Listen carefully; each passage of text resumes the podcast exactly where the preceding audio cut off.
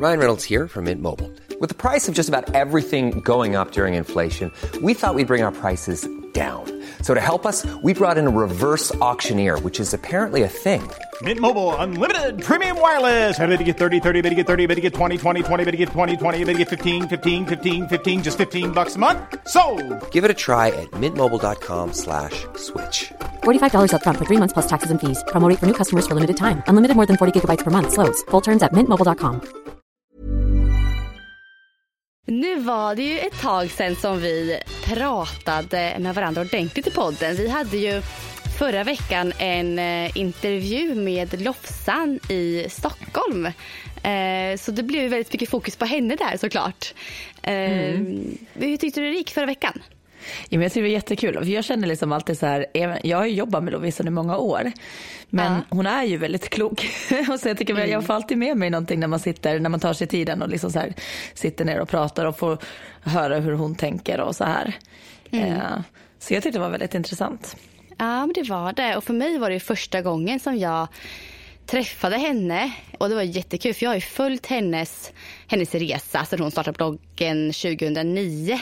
Så det var jättekul för mig att få träffa henne eh, på riktigt. Eh, Jag tycker också Ja. hon hade väldigt, väldigt mycket intressanta tankar och åsikter som eh, jag ändå gick hem med liksom funderade lite över själv.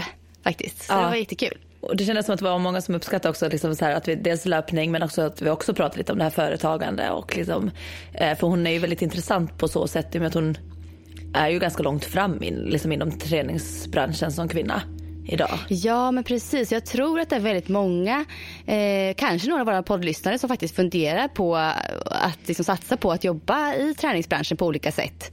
Och då blir det väldigt kul att höra henne prata eh, om det. Eh, det kände verkligen jag, för jag är väldigt, väldigt träffad där i målgruppen. Så det var kul. Ehm, Ja, och det är kul med gäster. Ja. Så jag tänker att där, vi ska absolut ta, ta in fler gäster. För det är alltid kul att träffa nya och eh, få deras eh, tankar eller funderingar och sånt. Ja, absolut. Och nu undrar jag lite så här, vi, alltså när vi ses eller när vi hörs, det är ju typ bara i poddsammanhanget. Eh, så vi pratar ju inte så mycket utöver podden egentligen. Så jag har ju inte så stor koll på vad som har hänt i ditt liv sedan två veckor tillbaka. Vad, hur Nej. har det varit? Hur mår du? Vad har hänt? Jag mår bra. Eh, så ja, alltså jag njuter ju hela tiden nu av att faktiskt få må bra så länge som möjligt. Jag är, I graviditeten är jag nu i vecka 20 så jag är nästan halvvägs ah. in. Så det känns så här, gud vad snabbt det går Ja, den här andra gången. ja. Och jag vet att många sa det just att man har fullt upp med en annan och det är så här, ja. Och, eh, men så känns det verkligen. Att, det, är- att eh, ibland bara, åh gud, att man nästan måste stanna upp och fatta att vi, det kommer en, en bebis här om bara några månader. ja. Och sen har jag blivit ett år äldre också sen sist. Ja, Yes. grattis får jag säga på riktigt nu då. Till dig. Tack så mycket. Och det är så här, ja, så, så 33 är jag nu och jag satt och funderade på det här med åldersnoja. Har, har du det? Nej, jag hade lite åldersnoja när jag fyllde 30, eller 29, 30 där någonstans. Alltså jag började se på mig själv så här, men gud nu är inte jag så jätteung längre. Och då fick jag Nej. lite åldersnoja. Men nej, det här släppt totalt nu. Ingenting alls Ja. faktiskt. Du då? Nej, jag har inte heller. Jag är liksom fortfarande så här att jag på något sätt Alltså jag älskar fortfarande att fylla år. Jag, jag går så här, så här och njuter av så här, och det är min dag idag. Alltså så här, som ett barn typ, att det är min födelsedag. Så, Ja, men nu var det ju en måndag så det var inte så speciellt men vi, vi fick, jag fick ändå så här, jag, jag beställde min frukost på sängen till dagen innan för jag bara det är bättre att vi firar den på söndag när, vi, när det är lugn och ro än för jag Ja. började tidigt på måndag morgon. Eh, och så. Men då tyckte Lasse att det var roligt att överraska så att de kom och väckte mig med frukost på lördag morgon så att jag inte var beredd på det. Eh, men sen kom mina föräldrar över natten, bara lördag till söndag för de skulle vidare. Så då fick jag, så jag fick frukost både på lördag och på söndag. så jag har blivit så här Lyxigt. storfirare i helgen. Så, men känns, jag tror att jag hade lite åldersnoja, typ där runt 25 eller någonting. Men jag tror att det handlar mer om... Ah. Ja, och jag börjar fundera varför. Jag tror att det handlar mer om lite så här allmänt var man känner att man är i livet och om man, om man känner sig nöjd med det man gör då och hur ens liv ser ut och hur man känner sig och sådär. Så jag tror att det var liksom mer att då tyckte jag att det var så här, åh gud jag är redan 25 och Var jag du tillsammans med jag Lasse då? Nej, det var, då var jag i ett annat förhållande också. Så jag vet inte om det var kanske också att man kände att det inte var helt hundra och, och Ja, att då kanske. kändes det som att det togs ut som en lite så här åldersnoja. Men för nu är det så lustigt att nu är jag 33 och nu är jag typ bara så här, nu är man ju mer så här glad att man får bara bli äldre och jag tycker att man, eller jag, tycker, jag upplever själv att man liksom mår bättre i sig själv och man känner att man bryr sig mindre om vad andra tänker och tycker och sådär också ju när äldre man blir. Ja, alltså man vill ju verkligen inte backa tillbaks i ålder. För det, så att det Nej. är också likadant så att man, jag, jag mår bättre och bättre mentalt och trygg i mig själv ju, ju äldre jag blir. Ja, verkligen. Men hur annars då? Går, hur går träningen till exempel? Eh, den går bra. Jag började ju yoga för några veckor sedan. Och jag har hållit, alltså jag, jag yogar två gånger i veckan, ungefär 30 minuter. Hur yogar du då? Alltså kör du själv hemma? Nej, jag, just nu kör jag faktiskt efter något så här, ja alltså hemma men med något så här gravid yoga program. Just det. Så det är till och med samma program så jag börjar tröttna lite grann men alltså det är ändå samma så att jag kommer in i, i det och jag känner att det är skönt för det är mycket så här rörlighet för bröstrygg för jag börjar vara ganska så här stel känner jag i upp det och så är det lite för höfter men där är jag lite försiktig med att jag känner lite av fogarna och sådär efter vissa rörelser så jag försöker bara att inte ta ut dem så, så djupt den rörelsen eller så. Men så det är jag nöjd med. Att jag har hållit, jag har faktiskt precis yoga nu innan, innan vi poddar också. Så jag är liksom i så bra mode. Ja, men gud vad skönt. Mm. Och sen utöver det så har jag tränat styrketräning, lite så här helkroppspass. Ja, åtminstone två, ibland tre pass per vecka. Så nu är jag ju mitt i allt uppe så här att jag ändå tar mig tid till träning nästan fem gånger i veckan.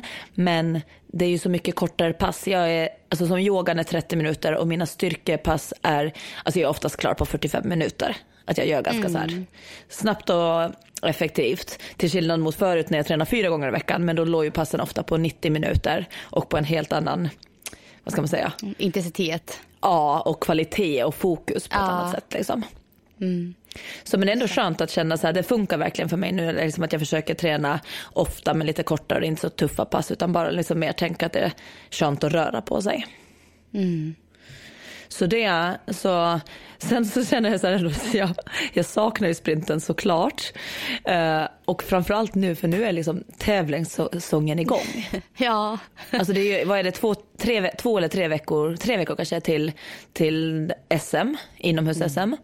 Och då har ju folk nu börjat liksom göra tävla och testa formen och göra resultat.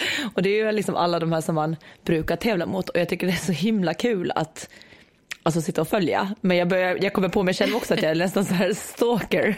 På, så att om det är någon av dem som tävlar som lyssnar på vår podd, så ni kan bara ta och skriva ut era resultat direkt på Insta så att jag slipper göra research och gå in på alla tävlingssidor och liksom snoka fram alltihopa. Men blir det så här, kan du bli stressad av det eller blir du mer inspirerad och tycker att det är härligt att följa? Hur Jag blir inspirerad och jag tror att det är mer att jag så här, varför jag sitter och söker upp deras resultat och vilka som sprang i samma hit. Det är liksom inte, alltså egentligen är det inte så här att jag behöver kolla vilken form de är i, för det spelar ingen roll i och med att jag inte tävlar mot dem. Men det är på något sätt för att få leva mig in i tävlingen och veta så här, Ja. ja, liksom hur ser det ut som att alla sprang bra eller sprang alla lite sämre, var det dåliga banor? Alltså så här, det känns som att jag, det är Aha. mitt sätt att leva mig Aha. in i att få vara med på Du startlinjen. får vara en del av det fortfarande ändå. Ja, du så, då liksom så, här, så jag liksom detektivar och bara letar upp alla resultat på. Ja, men det är väldigt kul eh, att se och vissa har redan kommit igång med jättefina resultat så det är så spännande att få följa deras eh, säsong. S- Och sen fick jag liksom så här, då kände jag ändå lite, du vet, för när jag, i somras så var jag ju med på Bauhausgalan. Och det, var ju, det är ju en GP-tävling. Och den fick jag ju söka till då. Det var ju liksom inte, eh, att, det var inte självklart att jag skulle få vara med utan jag fick ju skicka in en ansökan och skicka in mina personrekord. Och sen fick jag vänta på, beroende på vilka andra som har tackat ja, och så här, om det fanns plats för mig att vara med. För de gick på resultat och så. Och så fick jag ju vara med på den och det var ju det som var jättestort eh, för mig. Och nu har jag ju fått på mejlen inbjudan till GP-tävling i Sätrahallen. Nej. Och det, ja, så nu, har jag inte, ens- nu hade jag inte ens behövt söka för att vara med utan nu har jag fick jag en inbjudan till att vara med på en sån motsvarande fast Och då det är ju inomhus. lite stort ändå. Ja, så jag blev så superglad och det är ju häftigt. Men man fick ju tacka nej direkt för jag bara, nej alltså det går ju inte. Men det var ändå så här häftigt och jag bara, åh jag vill tävla. Ja, jag förstår det. Du kommer kunna göra det sen ändå. Ta lite tid bara. jag kommer. Hur är det med dig? Vad har du gjort de senaste två veckorna? Ja, vad har jag gjort? Alltså, jag har bland annat varit hos eh, Rud i Stockholm, fysioterapeuten. Det. Ehm, och han har ju hjälpt mig och jag känner så här för första gången på väldigt länge eh, att jag är väldigt hoppfull. Eh, jag, jag tror verkligen att det kommer bli bra på relativt kort sikt. Alltså han fick mig att hoppas på det och tro på det. Och jag tror att det kommer vara en del i min liksom, återhämtning på något vis. Att jag tror på det själv. Ehm, och det som han upptäckte som var väldigt intressant. Jag har ju som de flesta vet i podden, jag har ju en fotskada eh, sedan augusti. Eh, på vänster sida eh, av en paddelträning egentligen. Och jag har en eh, meniskansträngning på höger knä, insida knä. Och det som Rud kunde se eh, ganska direkt när han kollade på mig, jag bara stod upp så anade han direkt så här, okej, jag tror jag är för fel. Han sa ingenting till mig först, han gjorde undersökningen också först. Då. Men det är att jag har en väldigt inaktiv högersida bål eh, och då också väldigt inaktivt högersäte. Så när jag liksom är i rörelse, när jag springer, när jag går, när jag, när jag kör styrkeövningar så har jag typ ingen anspänning på höger sida bål eller sätet. Ehm, och Men det, här något du har känt liksom- av? Känner, kan du känna av det typ i träning eller när du springer eller var det liksom Nej, någon, alltså- någonting nytt för dig det här? Nej, men det här var nytt för mig faktiskt. Men jag känner mig ju ojämn när jag springer. och Det har jag gjort länge. Jag springer väldigt olika på höger och vänster sida och frågan är vad det beror på. Jag har fått andra teorier tidigare till mig. Men det här var ett helt nytt sätt att se på kroppen och på hur jag rör mig eh, som han kom med. Och det kändes som allt föll på plats på något vis. Jag bara liksom förstod precis vad han menade och kände att det här, det här är ju, det måste vara det här som det beror på. Han såg på mitt högerknä då, som jag är svag på högersidan just, att det faller in i pronation i varje steg. Eh, Så när jag utför steg så kommer k- höger knä in i pronation. När jag liksom går och springer så kommer höger knä in i pronation. Eh, För att jag, där får jag liksom rädda upp hela steget, knät då istället för att höften och eh, sätet och bålen ska liksom hålla upp steget. Så får ju höger knä ta allting istället. Eh, Så det faller in i pronation och eh, det är då antagligen anledningen till att jag har ont i höger knä och haft det eh, ganska länge nu. Med Eh, menisken och- där liksom? Ja, menisken, precis. Eller vad det nu är. Han sa inte menisken till mig rakt ut, men jag sa det till honom när jag kom dit. Så jag vet inte om det var menisken eller vad det nu är, men det är en överansträngning i alla fall i knät. Eh, foten då på vänster sida, eh, som han sa då, beror ju det troligtvis på att min vänstra sida får ju ta väldigt mycket i varje steg av kraften. Eh, Så vänster sida får styra kraften hela tiden och steget. Vilket gör att min vänsterfot blir väldigt liksom, ansträngd hela tiden eh, och får jobba hårt. Och han tror då att i den här paddelträningen så vart det bara, det, det vart för mycket för foten eh, och då brast det liksom. Så där har jag en överansträngning i båtbenet, tror jag att vi kommer överens om, på grund av det. Okej. Så nu så måste jag alltså börja lära mig använda höger sida bål. Det är liksom mitt fokus just nu. Så att jag kan liksom börja använda kroppen på ett mer jämnt sätt. Och det ska ju då göra att jag anstränger mig mindre högerknä och foten. Intressant. Men vad har, du, vad har du fått för övningar då, då till exempel för att få till, för jag tänker, man tänker, bålen känns ju ofta som en helhet liksom. Ja, Så hur gör du för att känna att du verkligen kopplar på och får med dig höger sida nu då? Det jag har fått göra, jag har varit på ett besök än så länge. Eh, och det jag har fått göra än så länge det är att först så ligger jag ner på marken och så har jag fötterna uppe på typ en soffa eller en bänk eller någonting. Så jag är avslappnad i bålen så ryggen hamnar ända ner också mot golvet. Så jag ligger rakt, rak linje. Och så börjar jag bara andas. Jag håller en hand på bröstet och en hand, vad ska man säga, nere på magen, långt ner på magen. Eh, och så andas jag bara med magen samtidigt som jag ska anspänna hela bålen. Så jag känner liksom, man kan känna det också på sidorna på höger sida bål. Om det är anspänning på högersidan där så gör jag rätt. Är det inte anspänning på högersidan så gör jag fel. Så jag håller på att lära mig just bara, det är första steget, att lära sig hur känns det när jag spänner hela bålen samtidigt. Um, och nästa steg det är att göra samma sak fast man ställer sig upp istället och gör typ ett utfallssteg och fortfarande känner att man har aktiviteten i bålen. Att man använder Ja. det större, att man breddar bålen. Det blir som en cylinder som du använder hela cylindern och inte bara halva. Utan du måste använda hela för att liksom stå rak och för att kunna Ja. hålla. Liksom. Så jag får jobba med sådana liksom, småövningar. Och eh, som han sa, även ute och går, när jag liksom, vilken övning jag än gör i gymmet. Att jag, innan jag gör övningen så ska jag spänna och känna anspänningen innan jag går ner i övningen. Så det blir Just det det. första jag får göra.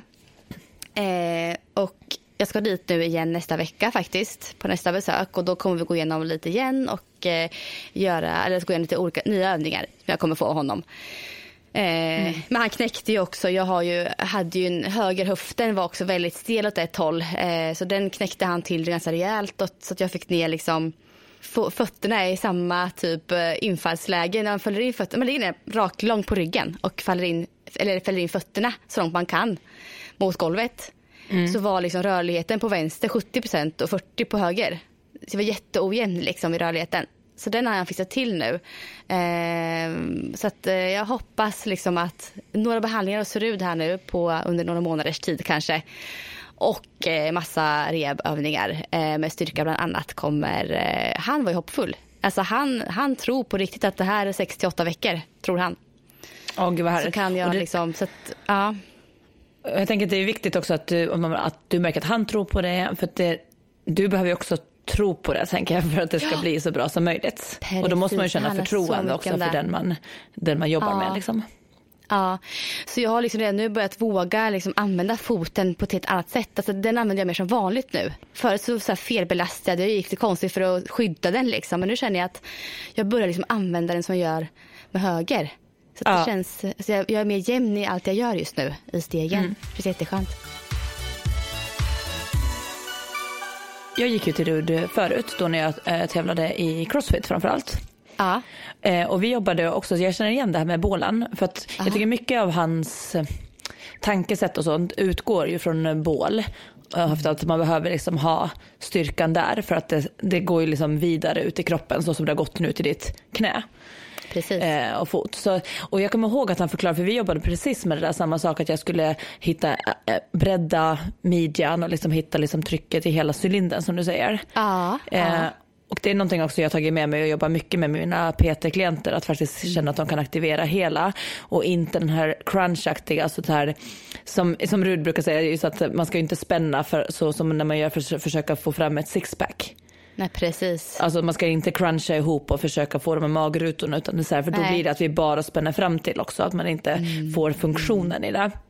Och jag hade nog lite innan jag började med crossfit och liksom mer den här at- atletiska, så verkligen så hade jag gymmat mycket och hade lite mera, om man kan uttrycka det lite mer, lite mer mot en så här fitnesskropp kanske.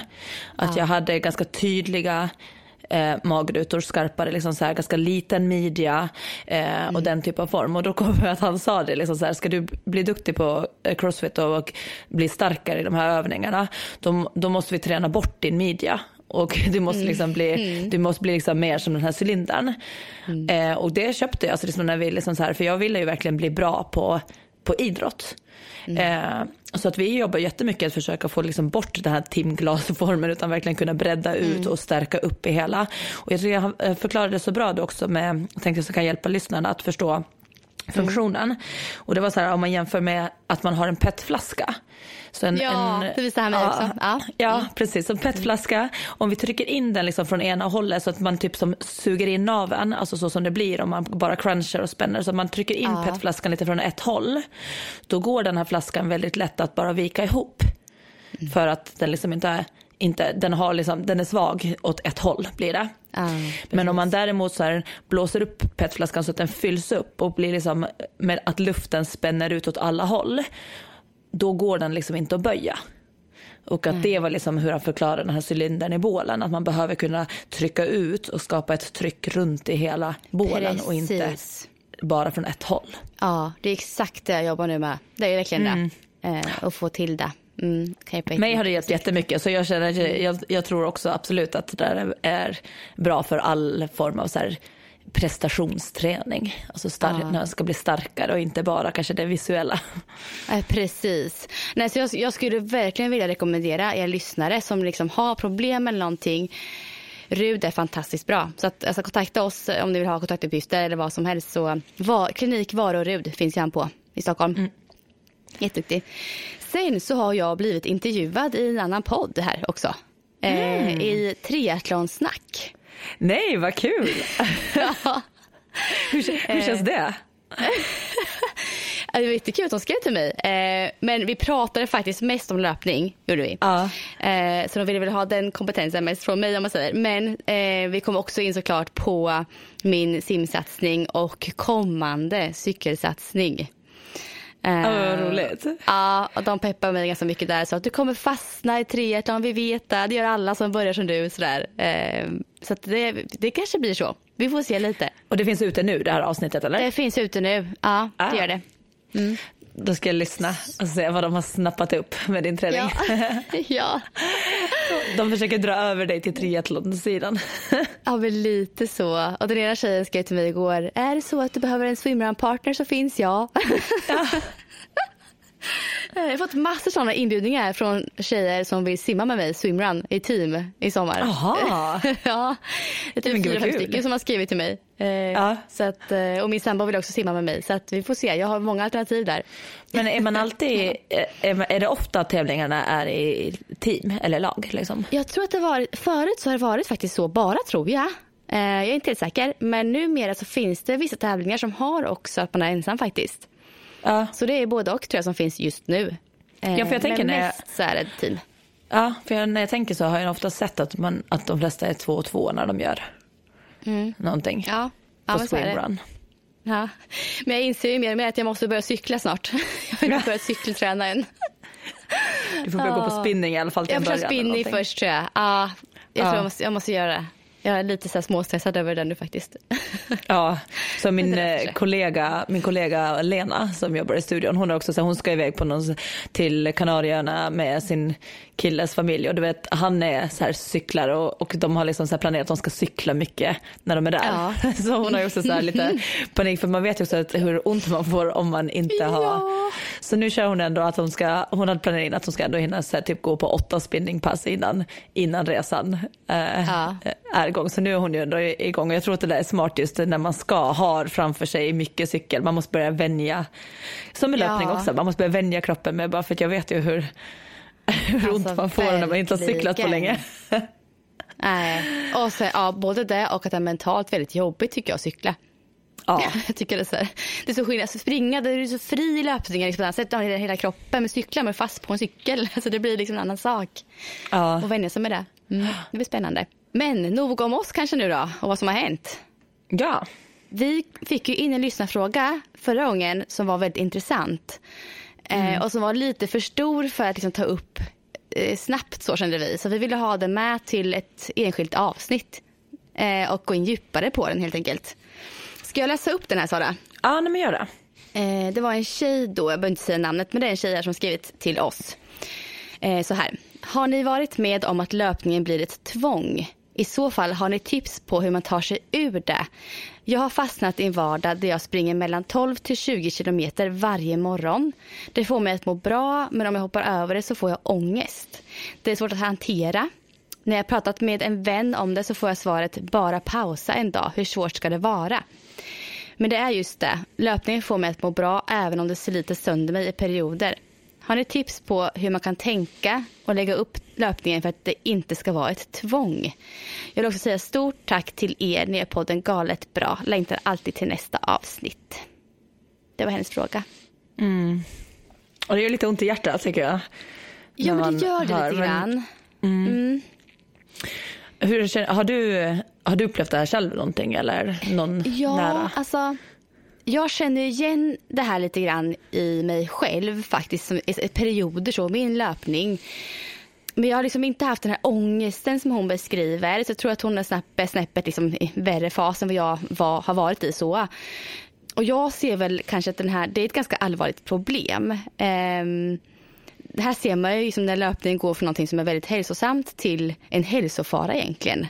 Mm. Um, och i hennes fall så har det blivit ett slags alltså beroende Alltså som vilket beroende som helst tänker jag. Som hon, ja, hon behöver ju på något vis få hjälp att, att komma ur det här.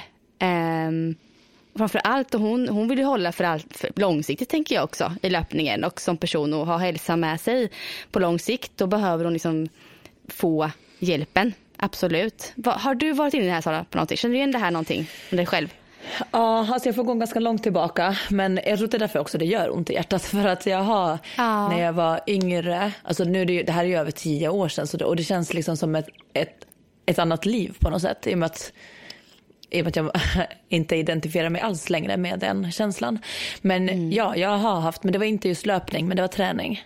Alltså det var allmän, det, det var ju blandat löpning också. Men det var den mm. känslan av att, att jag mådde bra av att träna eh, och gjorde det mer och mer.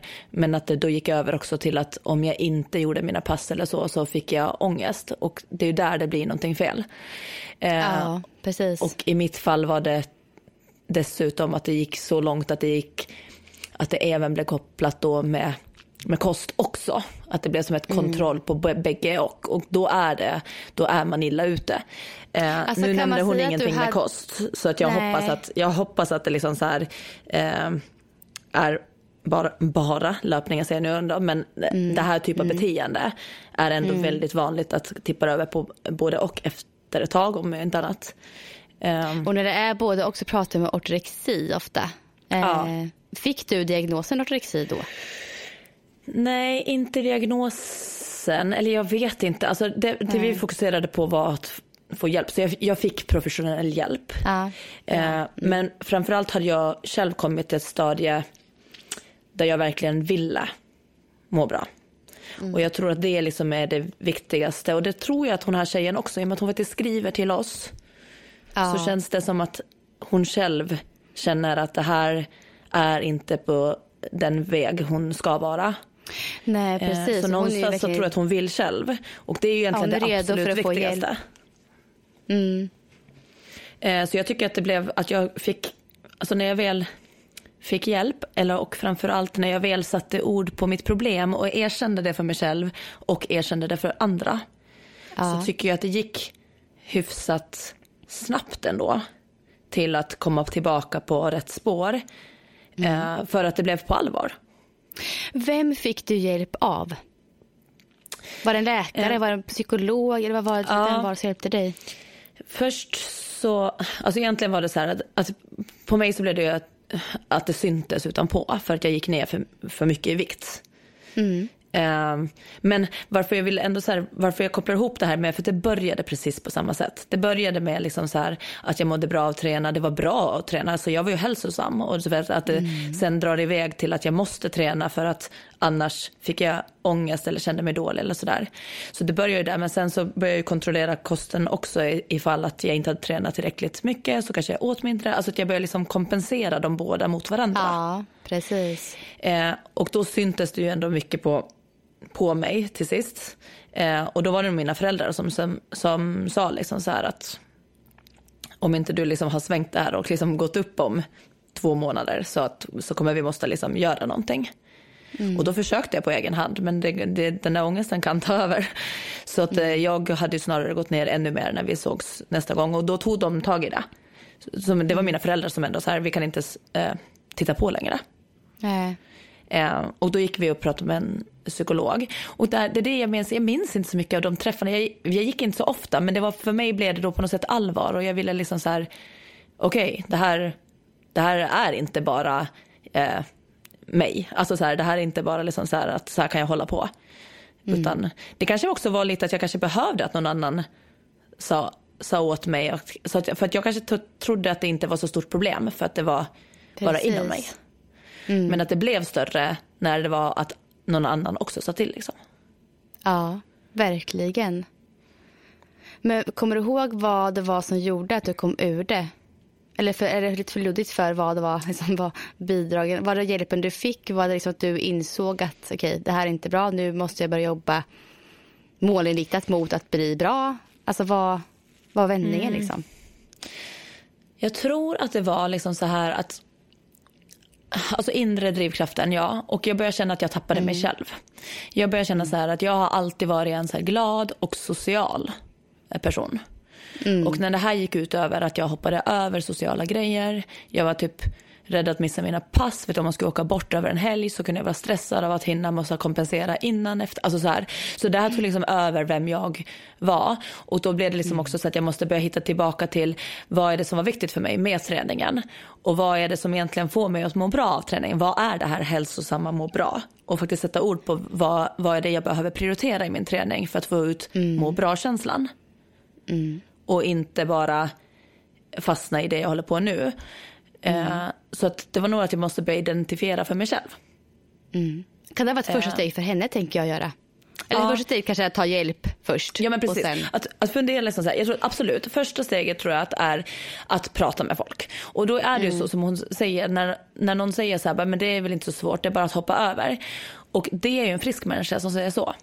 Och i och med ja. att hon känner att det inte är så enkelt att bara hoppa över så är det ett problem. Ja. Så bara där så har hon ju, kan, vi, har, kan hon identifiera sig med att det här är ett problem för henne. För att en frisk människa säger så här, men det är väl inte så svårt. Det är ju bara att mm. inte träna idag. Spring mm. inte. Lättare sagt än gjort för henne. Exakt. Så jag tror att hon behöver nu liksom så få prata med någon som lyssnar på henne. Eh, mm. Skriva ner hur hon känner. Mm. Eh, när hon känner olika saker. Sätta ord på, liksom så här, vad är det, varför springer jag? Varför springer jag varje mm. morgon? För det är inte liksom heller en kort sträcka hon springer. Nej, det är upp till två mil. Ja. Det är långpass. Ja. Och sen liksom, vad är det av de här passen som får mig att må bra? För jag tror absolut att hon mår bra. Eh, när hon gör det. Jag tror att hon mår bra, hon känner sig ja. hälsosam, jag tror att hon känner mm. sig eh, bra självförtroende, glädje, hon njuter ja, för stunden. Ja. Men det är det som är problemet. Jag tror inte att den här, den här positiva känslorna som hon får av löpningen, jag tror att den är väldigt kort för stunden och mm. på sikt kan det bli mer destruktivt och liksom mer det här att det blir ångest om man inte gör det, som hon nämner. Ja. Ja. Så att börja fundera på vad är det som får dig att må bra? Är det liksom att du springer och rör på dig? Det kanske är att du kommer ut i frisk luft. Det kanske mm. är att du får egen tid. Eller så kanske det är att du känner dig duktig. Mm. Och är det den här duktighetskänslan som, nu är det inte bara från mina erfarenheter utan nu är det också många klienter som jag möter på det här eller andra tjejer.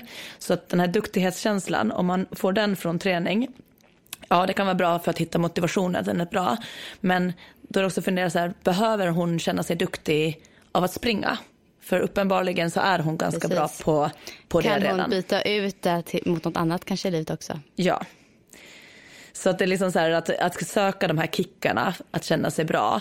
Mm. Um, det är jobbigt om det blir man sjuk till exempel och inte kan springa på ett tag och att hon då inte får känna sig bra. Då mm. behöver hon ha någonting annat som också kan ge henne den här duktighetskänslan.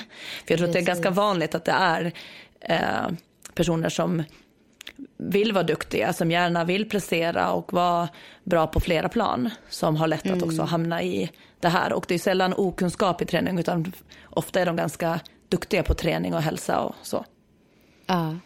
Jag tänker så här, ja, men typ som så första steg för att komma ifrån det lite som man kan testa, tänker jag. Som, just för att som du sa, så ersätta med någonting annat. Den grejen tänker jag mm. på. Att hon skulle kunna testa typ en morgon att istället för att gå ut och springa sätta sig på yogamattan och stretcha lite med en kopp kaffe eller vad som helst. Någonting annat och testa och fokusera på det istället. Vad händer i henne då? Mm om det kan vara ett steg till att liksom få bort något pass ibland. Att göra någonting annat, samma tid kanske, som mm. hon är mm. van vid. Eller ta en skön morgonpromenad, en kort, runt kvarteret för att få frisk luft. Kan det räcka för att de ska få stilla behovet lite grann? Och vad händer inom henne då?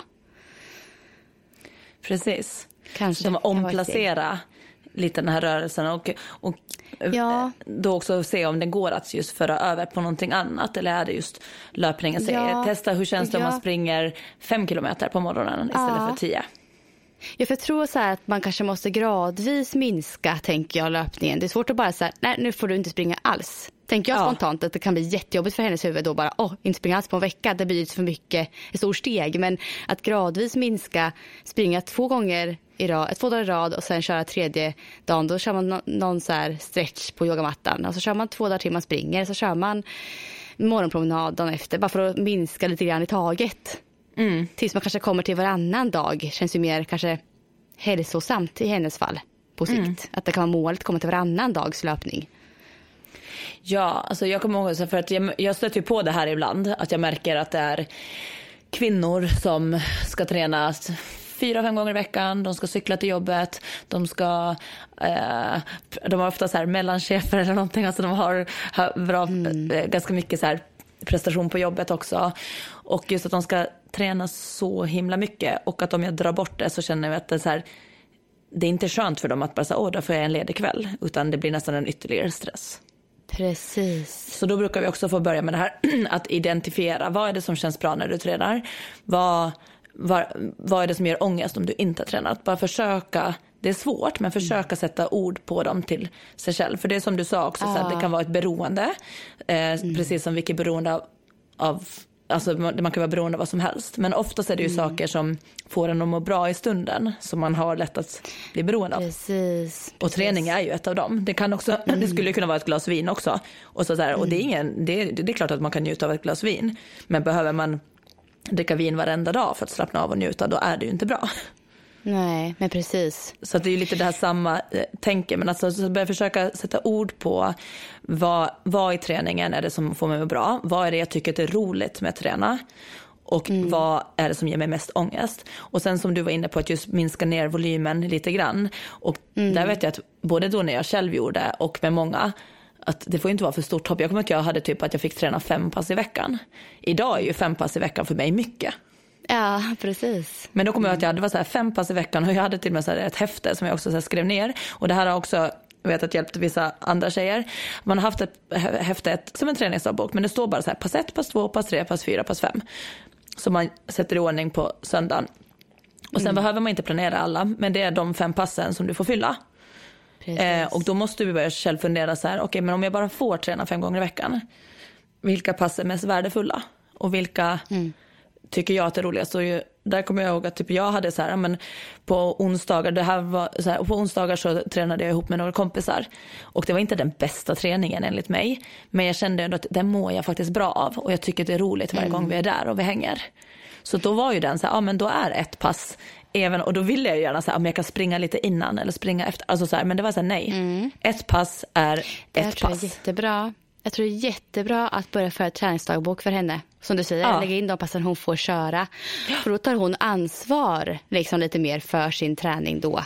Mm. Och det kan ju bli en grej så här, att hon styr den på det sättet kan bli så här att då känner hon sig kanske bra i det också. Ja, och sen om hon säger, ja men jag kanske gillar att springa på morgonen. Men då är det så här, okej men vilka, vilka morgnar njuter du mest? Är det kanske någon morgon du börjar lite senare på jobbet? Eller den där söndagen när du kan äta eh, en god frukost efteråt liksom, och sitta kvar i soffan? Alltså, så, här, så att du funderar också så här, för om du bara får ha fem pass, då måste du ändå välja, på något sätt börja sålla ut vilka som är bäst för dig Ja, på olika sätt. precis. Så det är liksom så att börja liksom både minska ner volymen men också då faktiskt reflektera efter för att vi vill, vi vill ju att hon här ska må bra och vi vill ju att hon ska njuta av sin löpning. Och Ja, får hon det inte handlar springa... om egentligen. Ja, hon kanske och få- började så med löpningen, att det var njutbart och hälsosamt och hon mådde jättebra av det. Men sen så går det lätt liksom, lite överstyr. Jag tror det är jättevanligt att det är så. Ja, ja, jag tror att det är vanligt att man så här, du vet, börjar sätta upp mål och regler. Eh, Det här gäller ju både träning och kost. Men alltså när man börjar sätta upp så här, ah, jag, ska, jag ska vara duktig och göra det här och det här. Så sen efter ett tag så blir de här målen och reglerna, de blir ju mer som att, att det blir dåligt om man inte lever upp till det. Precis. Det Och så det där upplever jag med kosten också. När det är någon som tar bort något så här, jag ska inte äta det. Så blir det så här att sen när den Det aldrig äter bra. det så blir det dåligt. Precis. Sen kom jag på en annan grej hon skulle kunna testa som jag bara tänkte att alltså, ändra fokus från sig själv till andra. Alltså kanske bestämma en dag. Jag vet det här är ganska lätt när man har barn tycker jag. Eh, jag kan vara så ibland när jag inte tränar så här en dag. Bestämmer, nej idag ska jag bara fokusera på barnen och deras aktiviteter. Det kan vara en lördag som jag bara fokuserar på dem hela dagen. Och deras kanske träning istället. För på mig själv. Utan då, då blir det fokus på någon annan och träna på det än på sig själv. Inte alltid så här, vad ska jag träna idag? Utan tänk mer på, okej idag går jag upp, nu för barnens skull, vad vill ni göra idag? Vad ska vi göra för att ni ska ha, ha en rolig dag? Och fokusera på det istället. Eller på sin partner eller vem det kan vara. Men jag Ja. tror att ändra fokus, träna på det lite, kan vara bra också. och sen som sagt märker hon så här, nej men att hon har försökt lite av de här olika sakerna och eh, det, det liksom blir inte bättre. Då är det verkligen så här att ta, ta hjälp. För Ja, man behöver oftast hjälp med absolut. dels att komma i en balans, alltså vanlig fysisk balans, att man äter och rör på sig lika, alltså lagom mycket om man säger. Men man behöver också kunna få hjälp med att ändra sitt beteende och framförallt att liksom ändra sina tankemönster. Absolut. Det är svårt att göra det själv kanske när man har kommit så pass långt ändå. Att man har ångest och liksom det här för att man inte tränar. Då tror jag att man kan behöva, man behöver nog oftast eh, någon professionell hjälp eller något stöd hemifrån eller vad det nu kan vara i alla fall. Ja. ja, och sen som sagt, viktigast är att man vill själv. Och det verkar hon ändå, hon verkar ändå ha reflekterat över det här. Ja, Eh, hon verkar redo för att ta Ja. hjälpen. Det tror jag verkligen. Och jag tror att det är flera som kan känna sig träffade när vi pratar om det här också. Så här bara, åtminstone som lite periodvis eller någonting. Eh, jag vet att det är också så här, det behöver inte alltid vara liksom ångest kring, det behöver absolut inte handla med mat eller vikt eller den formen av träning. Men det kan också vara att man kanske mår dåligt av någonting annat. Alltså det kan vara att man Ja. går igenom en skilsmässa, man känner sig stressad och någonting. Lite så kände jag mig också, så att jag var på fel plats i Absolut. livet. Jag ja, trivdes man inte med... från någonting. Exakt. Så jag trivdes Ja. inte i skolan, jag trivdes inte riktigt med vännerna, jag trivdes inte. Så att det var som att jag gick till gymmet och sen så började folk där säga så här, shit vad duktig du är, gud vad, shit vilken form du är. Alltså så här, och då blev det som att det är klart att jag ville gå dit, för det var ju där jag fick bekräftelse, kände mig bra. Och jag tror att det här också mår man liksom i ett, man är kanske på ett ställe där man inte riktigt mår bra. Det kan vara jobbet eller relation eller vad som helst. Så börjar man liksom så här hitta lite en flyktväg. Ja. till varför. Ja, och, s- ja, precis. Så att det, även om man inte man känner att man har ångest eller så, så kan ju det också vara för att man hanterar sin ångest genom att träna. Ja. Och det kan ju vara bra en period, men det kan också gå liksom att man, in, att man tappar kontrollen över det. Nej, jag hoppas verkligen att den här tjejen tar hjälp och får bra hjälp. Eh, Ja. Jag har kollat om det var i det. Stockholm. Jag har sett att i Stockholm så finns det ett ställe som heter Y-lab som jobbar mycket med ortorexi, men också, alltså jag tror att det är liksom... Jag såg det form också när jag kollade upp det häromdagen. Ja. Ja, så det, och, och jag vet att även om man inte känner sig så här, nej men jag har inte ortorexi eller någonting, så att istället för att gå med det här själv, för att det är ändå ett, ett beteende eh, problem. Eh, Så att åtminstone kanske höra av sig dit så att de vet så här, vad finns det för hjälp att få för mig. Eh, och så finns det också online så heter det Frisk och Fri som också är framförallt för ätstörningar. Eh, men även jag tror att det här skulle man kunna få hjälp med också om man hör av sig och om inte annat också, och det är ju online, så om inte annat kan de också säkert hjälpa en med att, vart man ska kontakta sig och vänta inte för, alltså så här blir det för märker man att det här tar mycket av ens energi, att man tänker på det här varenda dag. Ja, nej men alltså det är en stor del av hur man lever. Då tycker jag man ska inte vänta tills att det är så här, syns att man har problem eller att någon eh, annan måste ta tag i det. För att du kommer att tacka dig själv så snabbt direkt du mår bra. För att nu är det så här, jag, kunde, jag trodde inte ens att man kunde må, må så bra som jag mår idag. Och det sa jag även för fem år sedan, även när det var närmare det där. Då tänkte jag också, men gud vad bra jag mår. Jag, jag mår ju bättre än, än innan jag blev sjuk. Alltså för jag tänker att jag har nog alltid tänkt lite så här, vilja ha kontroll och så. Och sen är det så här, nu när det gått ytterligare fem år så är det så här, gud jag känner inte ens igen. Jag måste typ läsa gamla dagböcker för att komma ihåg hur den här personen tänkte. ja. Så Hur det går? Alltså, det absolut vara att bli, Ja. släppa det.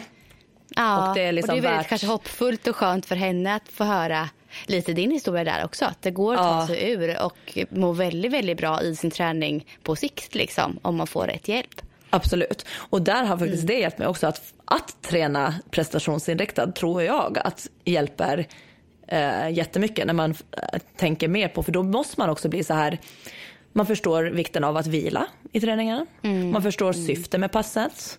Man förstår helheten på ett annat sätt om man verkligen blir duktig.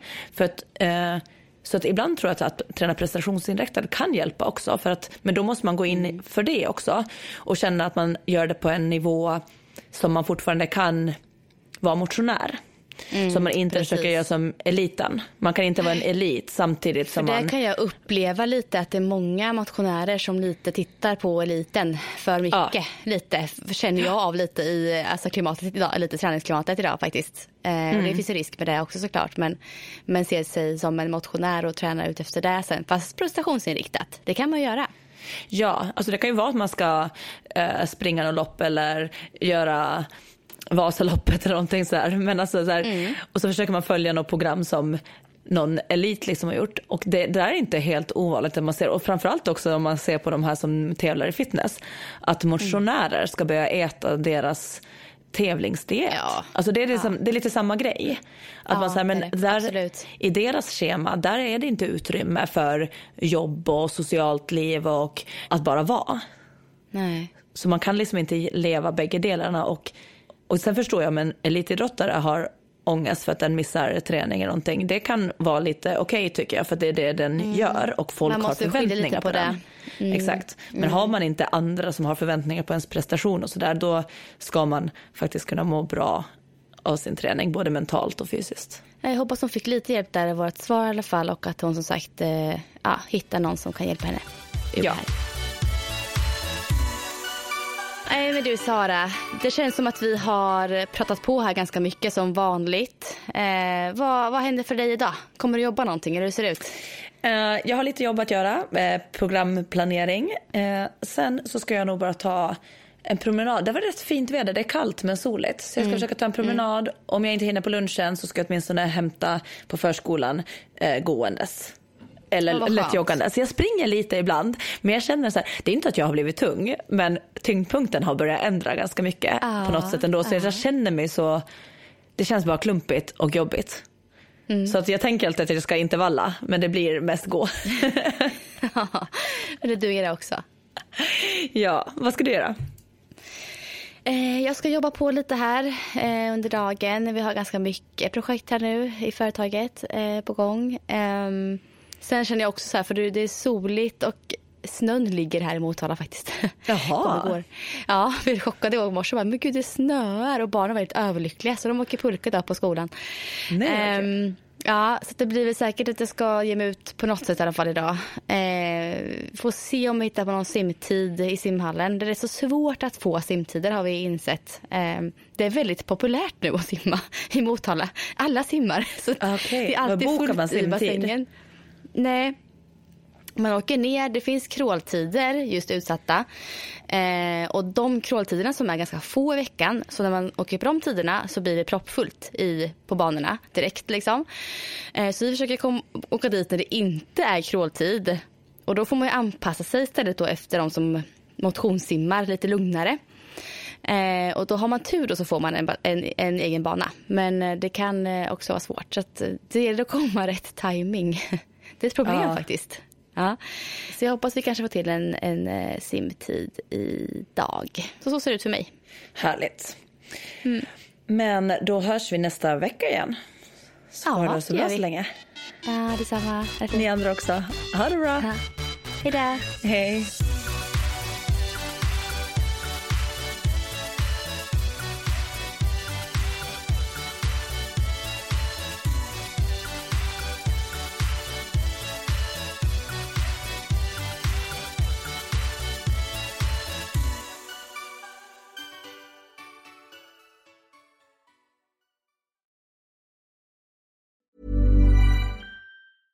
Ever catch yourself eating the same flavorless dinner three days in a row?